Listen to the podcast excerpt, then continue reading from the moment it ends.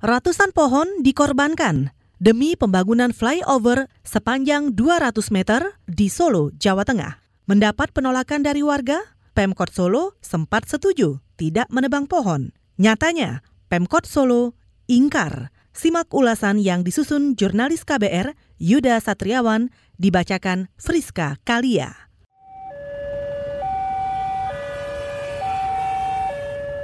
Sirine perlintasan kereta api meraung hanya berjarak puluhan meter dari stasiun Purwosari, Solo, Jawa Tengah. Antrian ratusan kendaraan berjejal memenuhi jalan selebar sekitar 8 meter. Di sekitar jalan itu, ada pula persimpangan empat jalan yang membuat lalu lintas semakin padat merayap. Itu adalah titik padat kendaraan yang akan menjadi lokasi pembangunan flyover atau jalan layang dengan budget 104 miliar rupiah.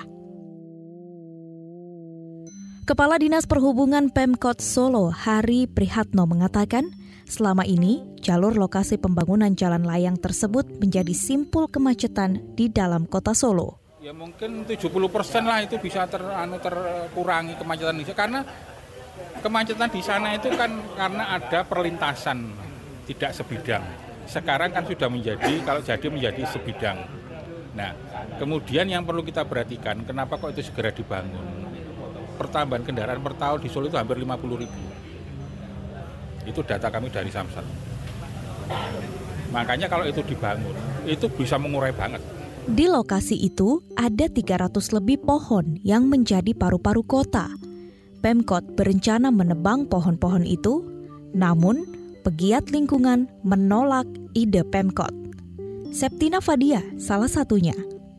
Wah ya sangat disayangkan sekali ya Mas ya, karena kan di daerah Purwosari itu itu emang daerah rimbun gitu loh, maksudnya ya kita sebagai paru-paru kota itu di situ salah satunya. Nah ketika itu ditebang buat flyover ya memang kemacetan terurai cuman kan kita berarti mengorbankan uh, suplai oksigen buat kota Solo. Rencana penebangan pohon berubah menjadi pemindahan.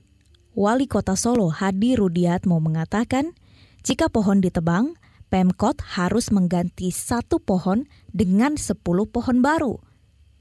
Pemkot mengaku tak mampu karena minimnya anggaran. Purwasari namun solusi sudah kami sampaikan sesuai dengan perda penebangan itu harus mengganti 10.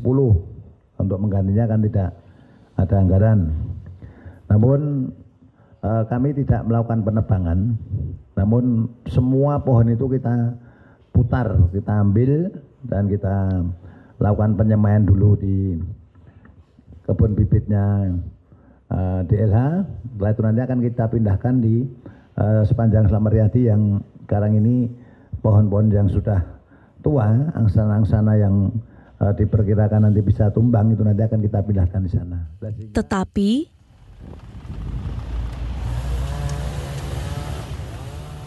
Satu persatu pepohonan di jalur utama yang menjadi lokasi proyek pembangunan jalan layang bertumbangan. Tumpukan ranting dan dedaunan tampak di lokasi tersebut.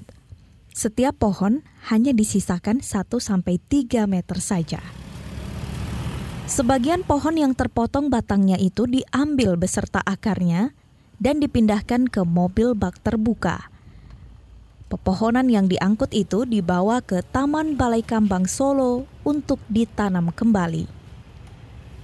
Kepala Dinas Lingkungan Hidup Kota Solo, Gatot Sutanto menampik pemotongan pepohonan dianggap sebagai penebangan. Menurut Gatot, pemotongan ranting dan cabang pohon itu untuk mengurangi penguapan karena akar ada yang terpangkas. Penebangan atau pemotongan pohon ini apa pun namanya berpotensi menghilangkan ruang terbuka hijau di kota Solo. Padahal keseimbangan lingkungan perkotaan dengan adanya pohon-pohon tetap perlu diperhatikan. Apalagi problem polusi di kota berkembang tak diimbangi dengan penghijauan yang dilakukan pemerintah. Demikian liputan khas KBR yang disusun jurnalis Yuda Satriawan. Saya Friska Kalia. Terima kasih sudah mendengarkan.